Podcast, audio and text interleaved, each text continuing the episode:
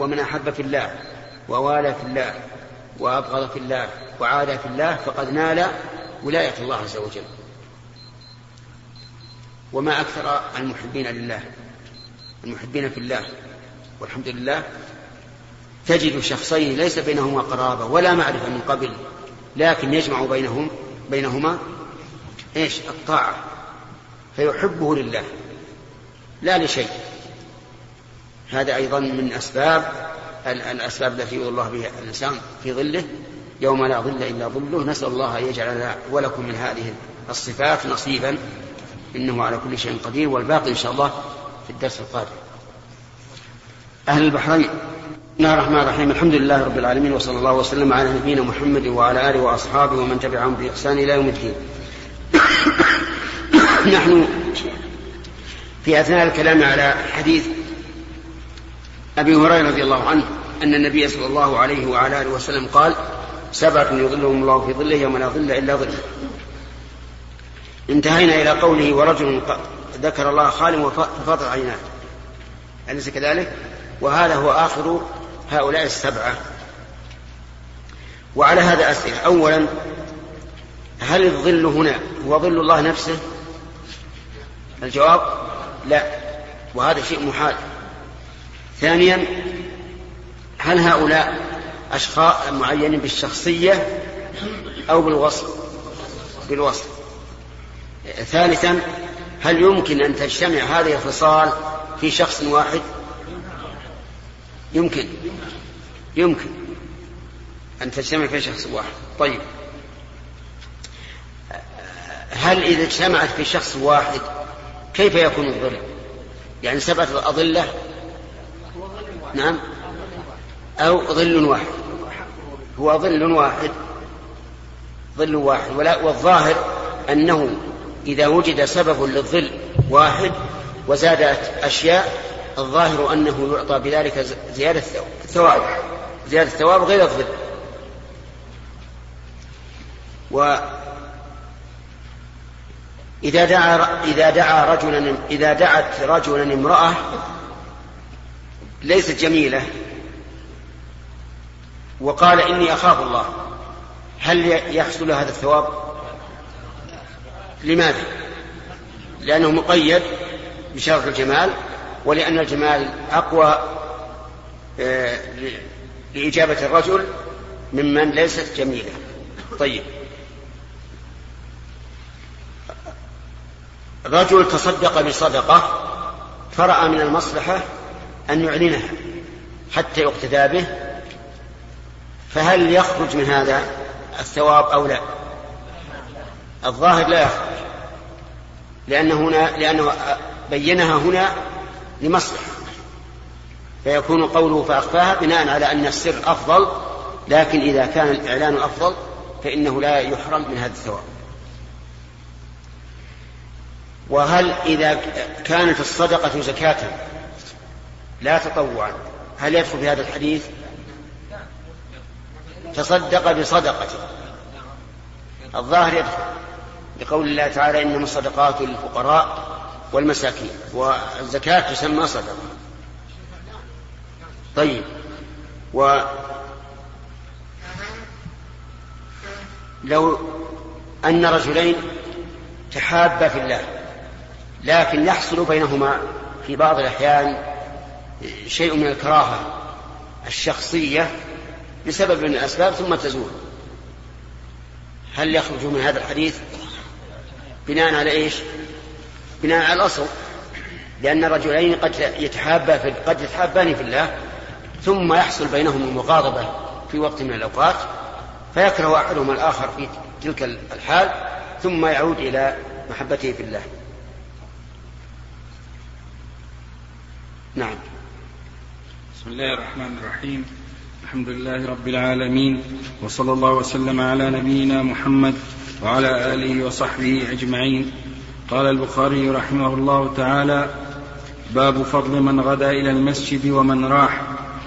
حدثنا علي بن عبد الله قال حدثنا يزيد بن هارون قال أخبرنا محمد بن مطرف عن زيد بن أسلم عن عطاء بن يسار عن أبي هريرة عن النبي صلى الله عليه وسلم قال من غدا إلى المسجد وراح أعد الله له نزله من الجنة كلما غدا أو راح. قوله من غدا أو راح أي من ذهب إلى المسجد في الغدو أو ذهب إليه في الرواح. والغدو أول النهار والرواح آخر النهار. وفيه في هذا الحديث فضيلة من غدا إلى المسجد أو راح. وأول ما يدخل في الغدو والرواح صلاة الفجر وصلاة العصر. وقول أعد الله له نزله وفي لفظ نزلا بالنكرة. والمعنى واحد لأن نزلا وإن كان نكرة فالمراد النزل الذي يستحقه على عمله فيكون كالمضاف. وفي هذا إثبات وجود الجنة لأن الإعداد إنما يكون سابقا وهو كذلك فإن الجنة موجودة وكذلك النار موجودة الآن. ولا يفنى ولا يفنيان أبدا بأدلة ليس هذا موضع ذكرى لأنها مرت علينا كثيرا نعم. نعم. إيش؟ إيش؟ إيش فيه؟ أي نعم. كأنه مع الشرح كانه مثل تبعه الشرح. اي هو أنا أردت أن أتكلم عليه. وقال في الباب الذي قبله حدثنا قتيبة قال حدثنا إسماعيل بن جعفر عن حميد قال سئل أنس هل اتخذ رسول الله صلى الله عليه وسلم خاتما؟ فقال نعم. أخر ليلة صلاة العشاء إلى شطر الليل ثم أقبل علينا بوجهه بعدما صلى فقال صلى الناس ورقدوا ولم تزالوا في صلاة. منذ انتظرتموها قال فكأني أنظر إلى وبيس خاتمه. هذا الحديث فيه دليل على اتخاذ الخاتم ولكنه يكون من فضة ولا يكون من ذهب. فإن خواتيم الذهب على الرجال حرام كما ثبت ذلك عن رسول الله صلى الله عليه وعلى آله وسلم. وفي هذا الحديث من الفوائد أنه يجوز للمسؤول أن يأتي بأكثر مما سئل عنه. وذلك لأن أنس سئل سامي عن الخاتم فأتى بزيادة. وفيه دليل على أن خاتم النبي صلى الله عليه وسلم نظيف. فيستفاد من هذا فائدة أن الإنسان ينبغي أن يكون نعله حسنا وثوبه حسنا وخاتمه حسنا وكل ما يتصل به يكون حسنا. لأن النبي صلى الله عليه وسلم لما سئل عن الرجل يحب أن يكون نعله حسنا وثوبه حسنا قال إن الله جميل يحب الجمال يعني يحب التجمل. فإن قال قائل هل يسن لنا أن نتخذ الخاتم؟ فالجواب لا ليس من السنة لكنه من الشيء من الشيء المباح إلا من يحتاج إليه. كالقاضي والأمير والرئيس والوزير والمدير ومن أشبه ذلك أي من يحتاج إلى الختم فهذا نقول السنة أن تتخذ خاتما. وإنما كان خاتما لأنه أحفظ لأن الإنسان لو وضعه في جيبه فربما يضيع ويسقط فكان وضعه في أصبعه أحفظ وأضمن أن يجده أحد فيفتات عليه. نعم. عبد الوهاب.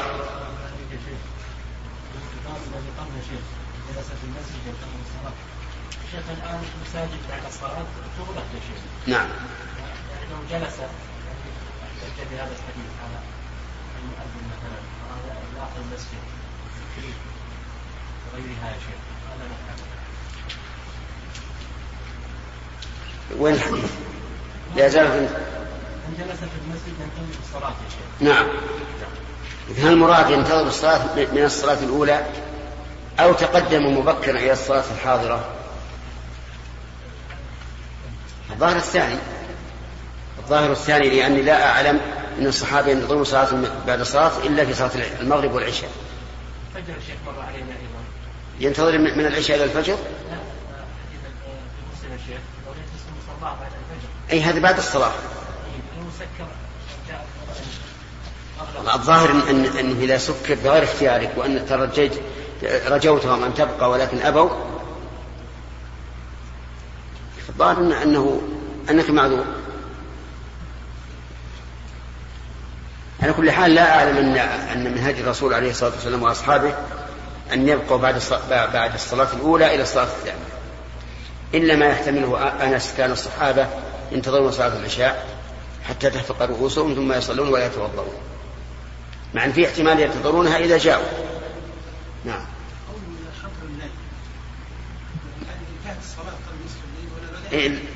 لا هذا يحمل على أنها انتهت. انتهت عند منتصف الليل.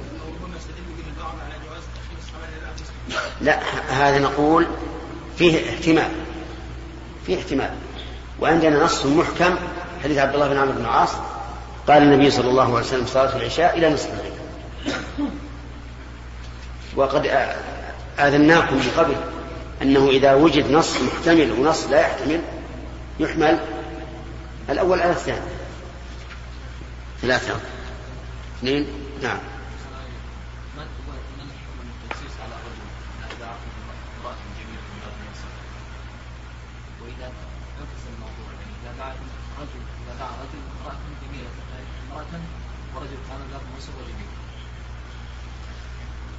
إيه. كل الحديث الآن اللي معنا كله في, ذكر رجل رجل رجل.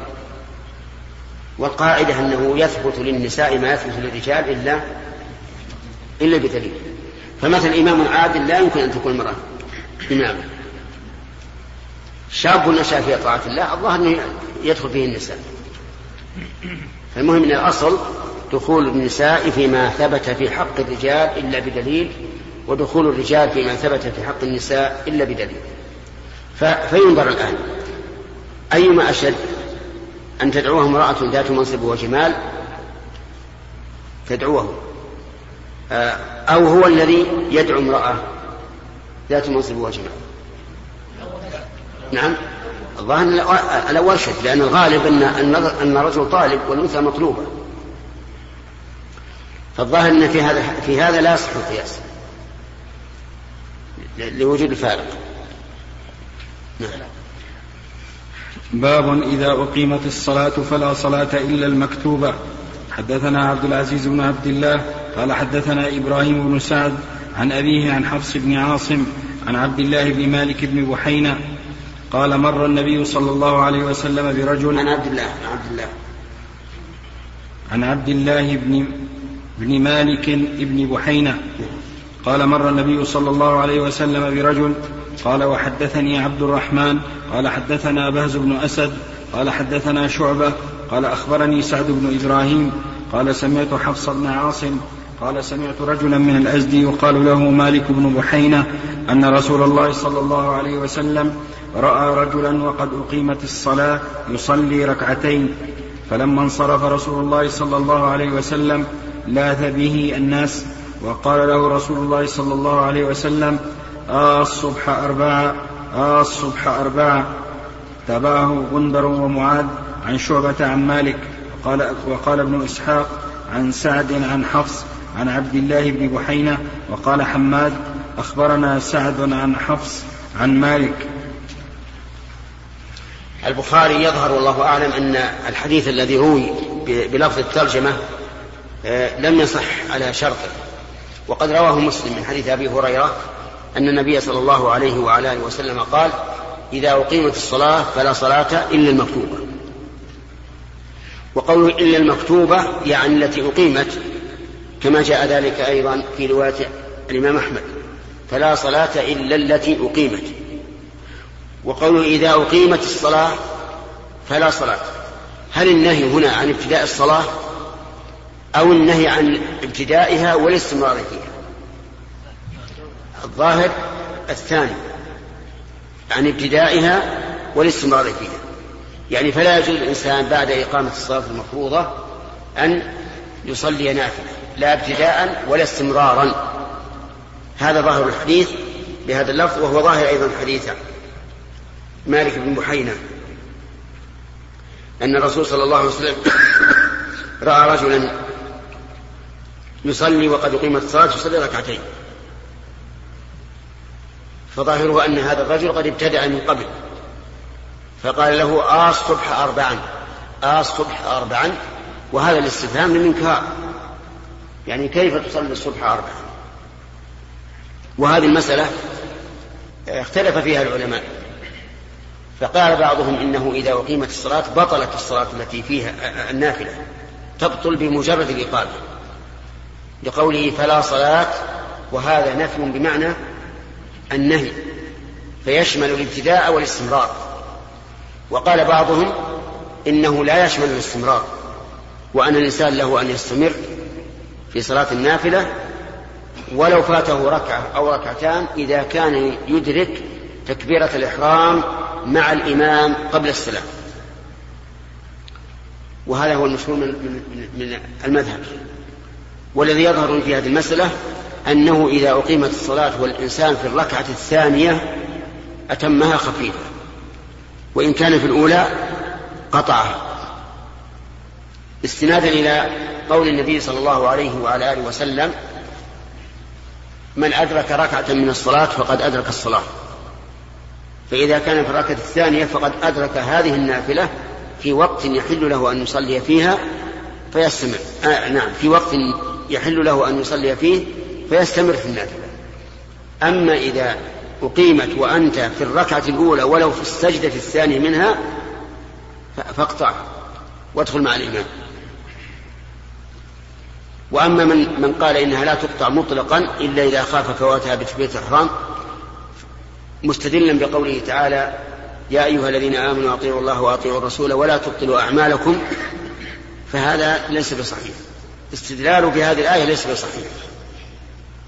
لأن قوله لا تبطلوا أعمالكم بالردة فإنها هي فإنها هي التي تبطل الأعمال.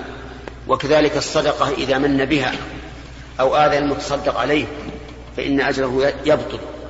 المهم أنه ليس المراد لا تقطعوها. ثم نقول إن الرجل إذا قطع النافلة ليدخل في الفريضة فقد انتقل من مفضول إلى أفضل. نعم.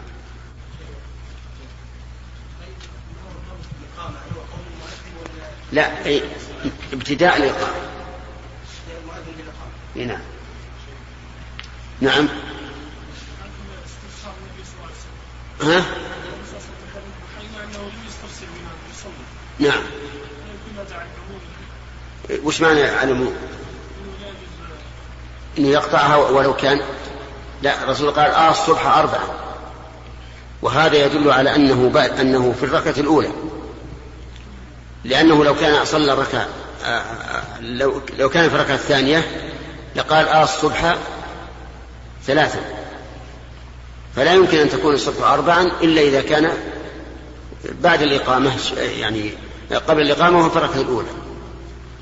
نعم يا سليم.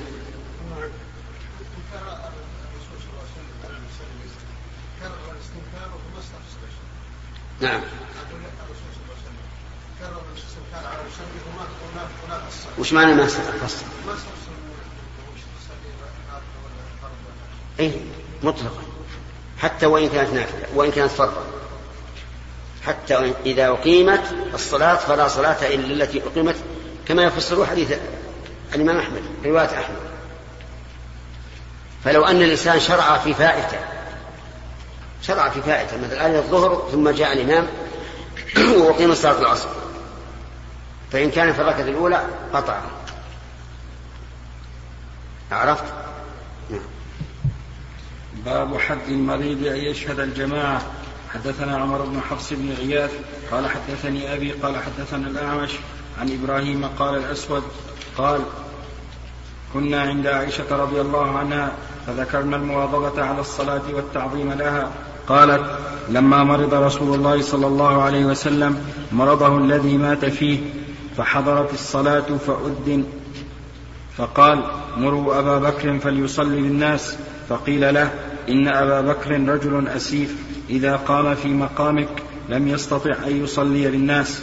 وأعاد فأعادوا له فأعاد الثالثة فقال إن كنا صواحب يوسف مروا أبا بكر فليصلي بالناس. فخرج أبو بكر فصلى فوجد النبي صلى الله عليه وسلم من نفسه خفة فخرج يهادى بين رجلين. كأني أنظر رجليه تخطان من الوجع فأراد أبو بكر أن يتأخر فأومأ إليه النبي صلى الله عليه وسلم أم مكانك؟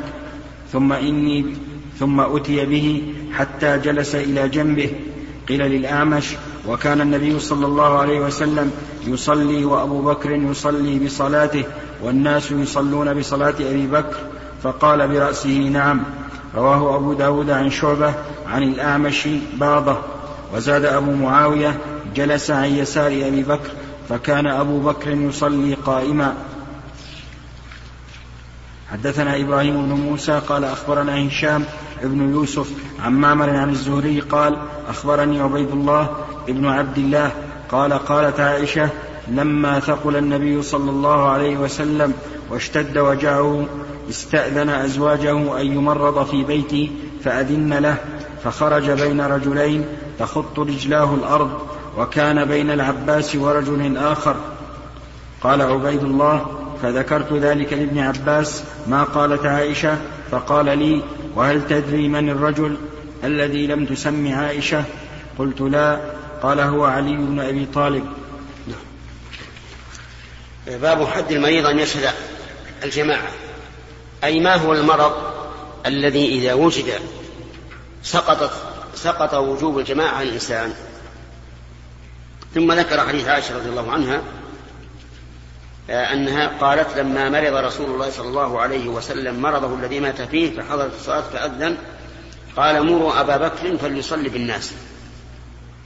مروا أبا بكر يخاطب أهل البيت. أن يصلي بالناس نيابة عن من؟ عن النبي صلى الله عليه وسلم. فقيل له إن أبا بكر رجل أسيف يعني حزين يحزن وربما إذا قام في مقامك لا يستطيع الصلاة من البكاء. و نعم. إذا قام في مقامك لم يستطع أن يصلي بالناس. وأعاد يعني قال مروا أبا بكر أن يصلي بالناس. فأعادونه فأعاد الثالثة فقال إن كن صواحب يوسف. من يعني بصواحب يوسف؟ يعني النسوة اللاتي قطعن أيديهن. لكن هذا مشكل. لأن لأن النسوة لم يحصل منهن كيد. أو حصل؟ حصل. كيف حصل؟ قال قيل لهن إن امرأة العزيز إيش؟ تراود فتاها عن نفسه قد شغفا حبا إنا لنراها في ضلال مبين. وهن يريدن بذلك أن يطلعن على هذا الرجل. فلما سمعت بمكرهن أرسلت إليهن وآتت لهن متكئا وآتت كل واحدة منهن سكينا وقالت اخرج عليهن. فخرج فلما رأينه أكبرنه وقطعن أيديهن. سن يقطعن أيديهن ذهولا وغفلة. فهؤلاء هم صواحب يوسف وكأن النبي صلى الله عليه وعلى آله وسلم فهم من من عدم المبادرة بقول بقولهن لأبي بكر أن ذلك من باب الكيد. لأنه من المعلوم أن مقام النبي صلى الله عليه وسلم عند الناس فوق مقام أبي بكر بمراحل. فإذا جاء خلفه إنسان دونه صار في نفوس الناس شيء. فأراد فأردنا أن يكون عمر رضي الله عنه هو الذي يصلي بالناس هذا هو الظاهر لي. من هذا الكيد الذي أشار إليه النبي صلى الله عليه وسلم ولنرجع الآن إلى صاحب الفتح قال ابن حجر قوله فأعاد الثالثة فقال إن كنا صواحب يوسف فيه حذف فيه حذف بينه فيه حذف بينه مالك في روايته المذكورة وأن المخاطب له وأن المخاطب له حينئذ حفصة بنت عمر بأمر عائشة وفيه أيضا فمر عمر فقال مه إن كن لأنتن صواحب يوسف وصواحب جمع, جمع صاحبة والمراد أنهن مثل صواحب يوسف في إظهار خلاف ما في الباطن. ثم إن هذا الخطاب وإن كان بلفظ الجمع فالمراد به واحد وهي عائشة فقط كما أن صواحب صيغة جمع والمراد زليخة فقط. ووجه المشابهة بينهما في ذلك أن زليخة استدعت النسوة وأظهرت لهن الإكرام بالضيافة ومرادها زيادة ومرادها زيادة على ذلك وهو أن ينظرن إلى مرادها زيادة. ومرادها زيادة على ذلك وهو أن ينظرن إلى حسن يوسف ويعذرنها في محبته وأن عائشة أظهرت أن سبب إرادتها سبب. أن سبب إرادتها صرف الإمامة عن أبي صرف الإمامة عن أبيها كونه لا يسمع المأمومين القراءة لبكائه كونه لا يسمع المأمومين القراءة لبكائه ومرادها ومرادها زيادة على ذلك وهو أن لا يتشاءم الناس به. وقد صرحت هي فيما بعد فيما بعد ذلك فقالت فقالت لقد راجعته وما حملني على كثرة مراجعته إلا أنه لم يقع في قلبي أن يحب الناس بعده رجلا قام مقامه أبدا. الحديث وسيأتي بتمامه في باب وفاة النبي صلى الله عليه وسلم في أواخر المغازي إن شاء الله تعالى. إذا هذا هذا وجه المكر أو الكيد. ولكن لا شك أن أبا بكر أرق من عمر رضي الله عنه. وأقرب إلى البكاء وكان رجلا بكاء مشهورا ببكائه.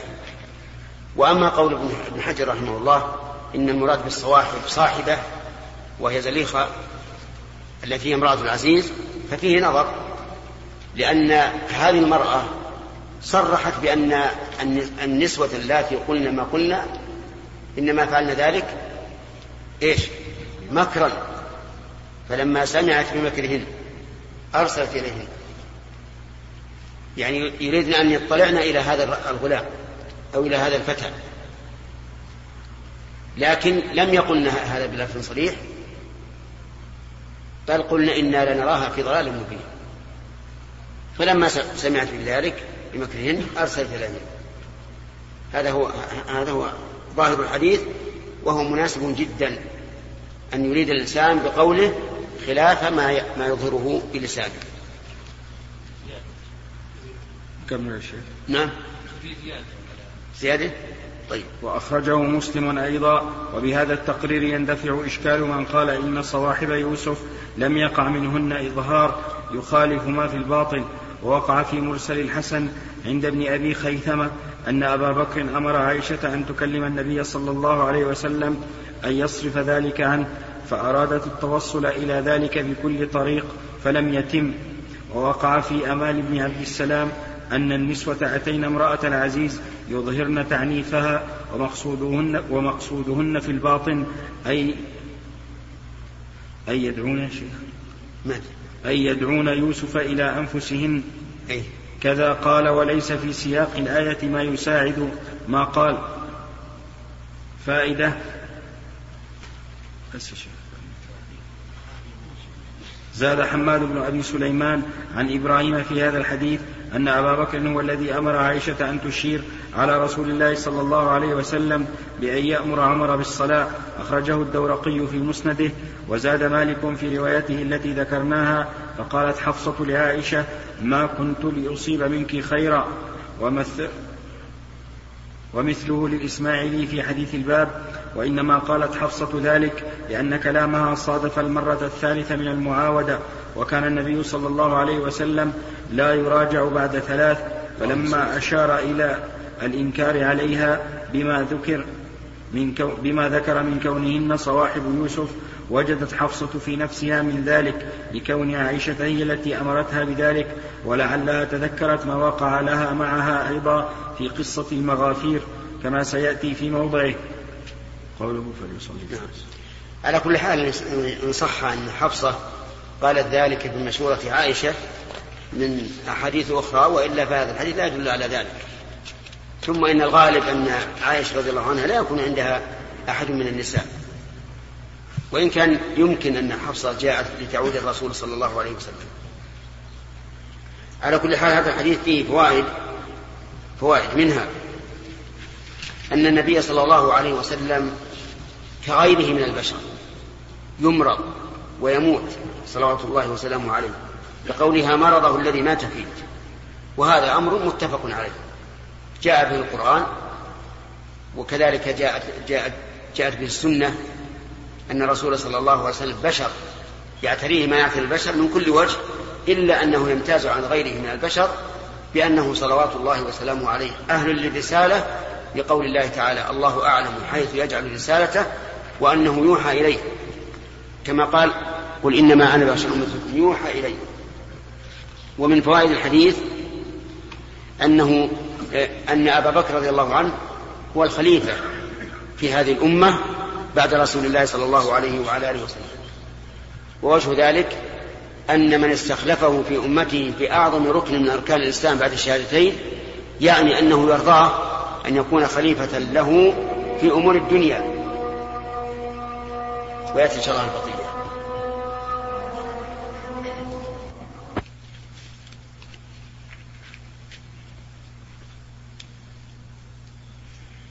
بسم الله الرحمن الرحيم. أهل الحرين بدأ الدرس إن شاء الله.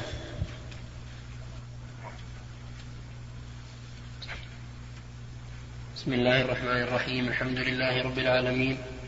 صلى الله وسلم على عبده ورسوله نبينا محمد وعلى آله وصحبه أجمعين. آه، كنا نتكلم أظن على آه، باب حد المريض أن يشهد الجماعة. نعم. وذكر البخاري رحمه الله ساق الحديث حديث تخليف النبي صلى الله عليه وعلى آله وسلم أبا بكر أن يصلي بالناس وأنه صلى الله عليه وسلم لما وجد في نفسه خفة خرج يهادى بين رجلين. قالت عائشة كأني أنظر إلى كأني أنظر آه، رجليه تخطان من الوجع فما هو حد المريض أن يشهد الجماعة؟ يعني ما هو المرض الذي إذا أصاب الإنسان عفي له عن حضور الجماعة؟ الجواب على هذا وغيره من الأعذار يتضح بقول الله تبارك وتعالى وما جعل عليكم في الدين من حرج وما جعل عليكم في الدين من حرج فكل ما فيه حرج على الإنسان ومشقة فإنه معفو عنه. فإذا كان الإنسان إذا حضر الجماعة شق عليه مشقة شديدة. أو مشقة ليست شديدة لكن لا يحتملها فإنه يعذر بترك الجماعة. وإذا دار الأمر بين أن يحضر إلى الجماعة ويصلي قاعدا أو في بيته قائما فأيهما يقدم؟ اختلف العلماء في ذلك كما اختلفتم أنتم أيضا فبعضكم قال الثاني وبعضكم قال الأول.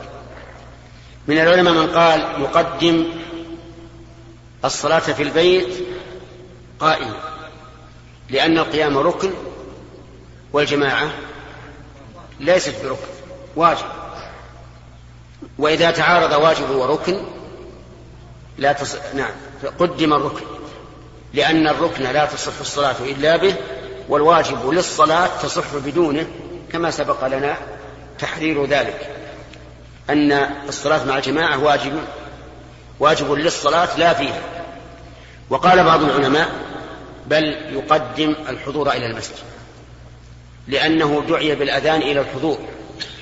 وقد قال النبي صلى الله عليه وعلى آله وسلم هل تسمع النداء؟ قال نعم. قال فأجب فيجيب. ثم إذا وصل إلى المكان الذي نودي منه للصلاة فإن قدر على أن يصلي قائما فعل وإن لم يقدر فإنه يسقط عنه. وهذا القول هو الراجح أنه يقدم الحضور إلى المسجد لأنه يبدأ بالأوامر الأول فالأول. فما هو الأمر الأول؟ أن أن يجيب النداء. ثم إذا وصل إلى المسجد فإن تيسر له أن يصلي قائما فعل وإلا صلى جالسا. في حديث أبي بكر أن النبي صلى الله عليه وسلم أومأ إليه أن مكانك ففيه دليل على العمل بالإشارة. والعمل بالإشارة مع تعذر النطق أمر أظنه مجمع عليه. لكن العمل بالإشارة مع إمكان النطق. هل يعمل به؟ الصحيح أنه يعمل به. لأن المقصود بالألفاظ المعاني. فمتى ثبت المعنى بلفظ أو إشارة حصل المقصود.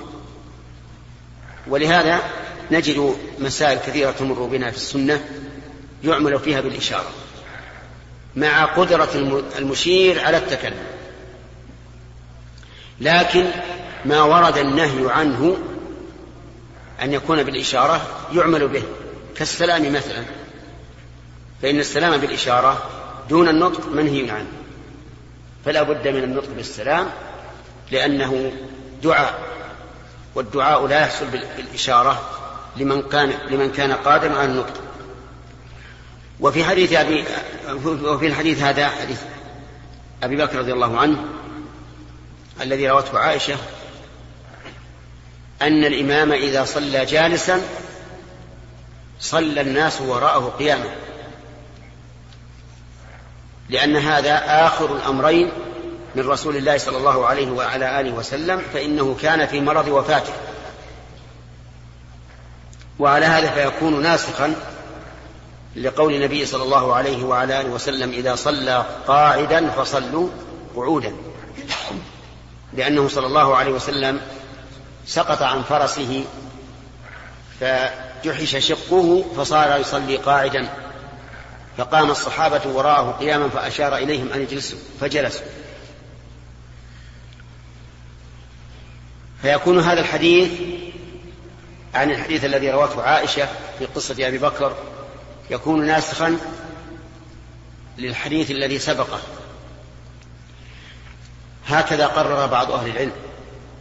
وقال إن الإمام إذا صلى قاعدا صلى الناس وراءه قياما. والصحيح خلاف ذلك. لأنه لا يجوز القول بالنسخ إلا إذا تعذر الجمع. أما إذا أمكن فإنه لا يجوز القول بالنسخ لأن القول بالنسخ يتضمن إبطال أحد الصيد. فيزول بذلك شريعة من شريعة شعيرة من شعائر الله. فإذا أمكن الجمع فإنه لا يجوز لأنه يكون هناك عمل بإيش؟ بالنصين والجمع هنا ممكن. أشار إليه الإمام أحمد رحمه الله بقوله إن أبا بكر ابتدأ بهم الصلاة قائمة فلزمهم أن يصلوا قياما. وكذلك أيضا كان النبي صلى الله عليه وسلم يصلي بأبي بكر وأبو بكر يصلي بالناس كما جاء في الحديث هذا. وكان النبي صلى الله عليه وسلم يصلي وأبو بكر يصلي بصلاته والناس يصلون بصلاة أبي بكر. لأن النبي صلى الله عليه وعلى آله وسلم كان حينئذ خافت الصوت لا يبلغ صوته الناس. ف... وأبو بكر إلى جنبه فيسمع صوته فإذا كبر النبي صلى الله عليه وسلم كبر أبو بكر ثم كبر الناس بتكبير أبي بكر. وظاهر هذا الحديث ظاهر هذا الحديث أن هذه الصلاة بإمامين وأن الناس يقتدون بالإمام المبلغ. وبناء على ذلك يكون يكون الذين يصلون في المسجد الحرام والمسجد النبوي لا يوافقون المبلغين وإن كان الإمام قد انتهى إلى الركن وإنما يوافقون وإنما إيش؟ يتابعون المبلغين فينتظرون إلى أن يتم تصويت المبلغ ولكن الأمر ليس كذلك. بل نقول الإمام الأول هو العمدة وأما الثاني فهو مبلغ وليس بإمام ولكنه مأموم. ويكون معنى الحديث يصلون بصلاة أبي بكر أي أنهم يقتدون بأقوالها بالتكبيرات لأنهم لا يسمعون النبي صلى الله عليه وعلى آله وسلم وحينئذ نقول إن من تابع الإمام وسبق المبلغ فصلاته صحيحة ولا إثم عليه. وفي هذا أيضا في الحديث دليل على ما سبق أن أشرنا إليه وهو الإشارة إلى أن أبا بكر رضي الله عنه هو الخليفة من بعده لأن استخلفه في الصلاة إماما للمسلمين فكذلك أيضا في التدبير والتنفيذ والنظام. وقد دلت نصوص أخرى كثيرة على ذلك منها ما يكاد يكون كالصريح مثل مجيء المرأة إلى الرسول صلى الله عليه وسلم في حاجة لها فقالت فقال لها ائتيني العام المقبل فقالت إن لم أجد قال فأتي أبا بكر. وهذا كالنص الصريح. وكذلك قال عليه الصلاة والسلام يأبى الله ورسوله والمؤمنون إلا أبا بكر. وأمر أن تسد جميع الأبواب إلى المسجد إلا باب أبي بكر. والأدلة في هذا معروفة في كتب العقائد نعم.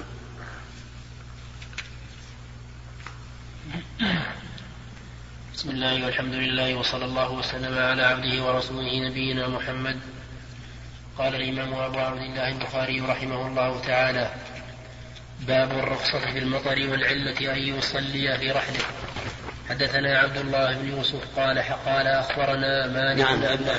الرواية الأخرى لساق البخاري رحمه الله فيها فوائد. أولا بيان منزلة عائشة رضي الله عنها من رسول الله صلى الله عليه وعلى آله وسلم.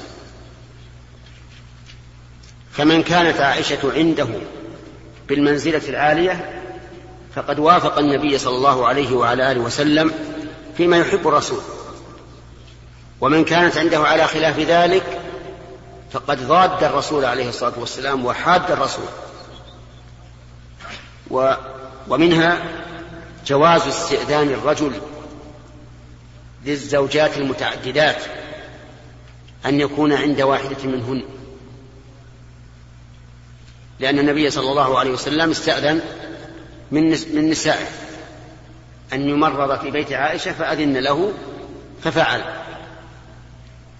فإذا كان الإنسان مثلا معه شيء من الكسل وكانت إحدى نسائه أرفق به من البقية واستأذن بقيتهن أن يمرض عندها فأذن له بذلك فالحق لمن؟ الحق لهن يجوز له ذلك بطيب نفس ولهذا لما خافت سودة بنت زمعة أن يطلقها النبي صلى الله عليه وعلى آله وسلم وهبت يومها لعائشة لتبقى زوجة له وهذا من فقهها رضي الله عنها ومن فوائد الحديث فضيلة عائشة ومنقبتها حيث إن النبي صلى الله عليه وسلم مرض في بيتها ومات في يومها. مات في يومه ومات بين حاقنتها وذاقنتها لأنها مسندته إلى صدره. وكان أول طعم طعمه الرسول وكان آخر طعم طعمه الرسول عليه الصلاة والسلام من الدنيا ريقها كل هذه من مناقب عائشة رضي الله عنها وهو يدل وهو دليل على أنه يجب علينا أن يكون لها عندنا في المنزلة ما ليس لبقية النساء. واختلف العلماء أيهما أفضل زوجة خديجة أو عائشة بعد اتفاقهم على أنهما أفضل زوجات. اختلفوا أيتهما أفضل فقيل خديجة وقيل عائشة. ولا شك أن لكل منهما مزية وفضل لم يسبق لم يكن للأخرى. وإذا أعطينا كل ذي حق حقه قلنا هذه تفضلها في كذا وهذه تفضلها في كذا. ففي أول الإسلام ومناصرة النبي صلى الله عليه وسلم لم يكن لعائشة نصيب من ذلك بل كان هذا لخديجة وحدها. وفي آخر حياة النبي صلى الله عليه وسلم ومحبته لعائشة ورقتها رقته لها وكونها نشرت من سنته ما لم تنشره أي امرأة من نسائه من نسائه تكون عائشة من هذا الوجه إيش؟ أفضل. هذا فيما يبدو لنا من الأعمال. أما منزلتها عند الله فالمنزلة عند الله من علم الغيب. ليس لنا, ليس لنا أن نتكلم فيها. وهكذا ينبغي في المفاضلة بين الصحابة رضي الله عنهم أو بين غيرهم من أهل الخير كالعلماء وغير ذلك إنما نفاضل حسب إيش؟ حسب ما يظهر لنا من الأعمال. أما المنزلة عند الله فهذه ليست إلينا. وأضرب لكم مثلا ولله مثل الأعلى. لو كان لك ولدان كلاهما يعمل معك يمتثل أمرك ويجتنب نهيك ويساعدك على حد سواء هل سيكون منزلتهما في قلبك سواء؟ أو هل يستلزم أن, يكون أن تكون منزلتهما في قلبك سواء؟ لا. قد يكون لأحدهما عندك من المنزلة أكثر من الآخر مع تساويهما في العمل. وهذه نكتة ينبغي للإنسان أن يتفطن لها. لا لا في المفاضلة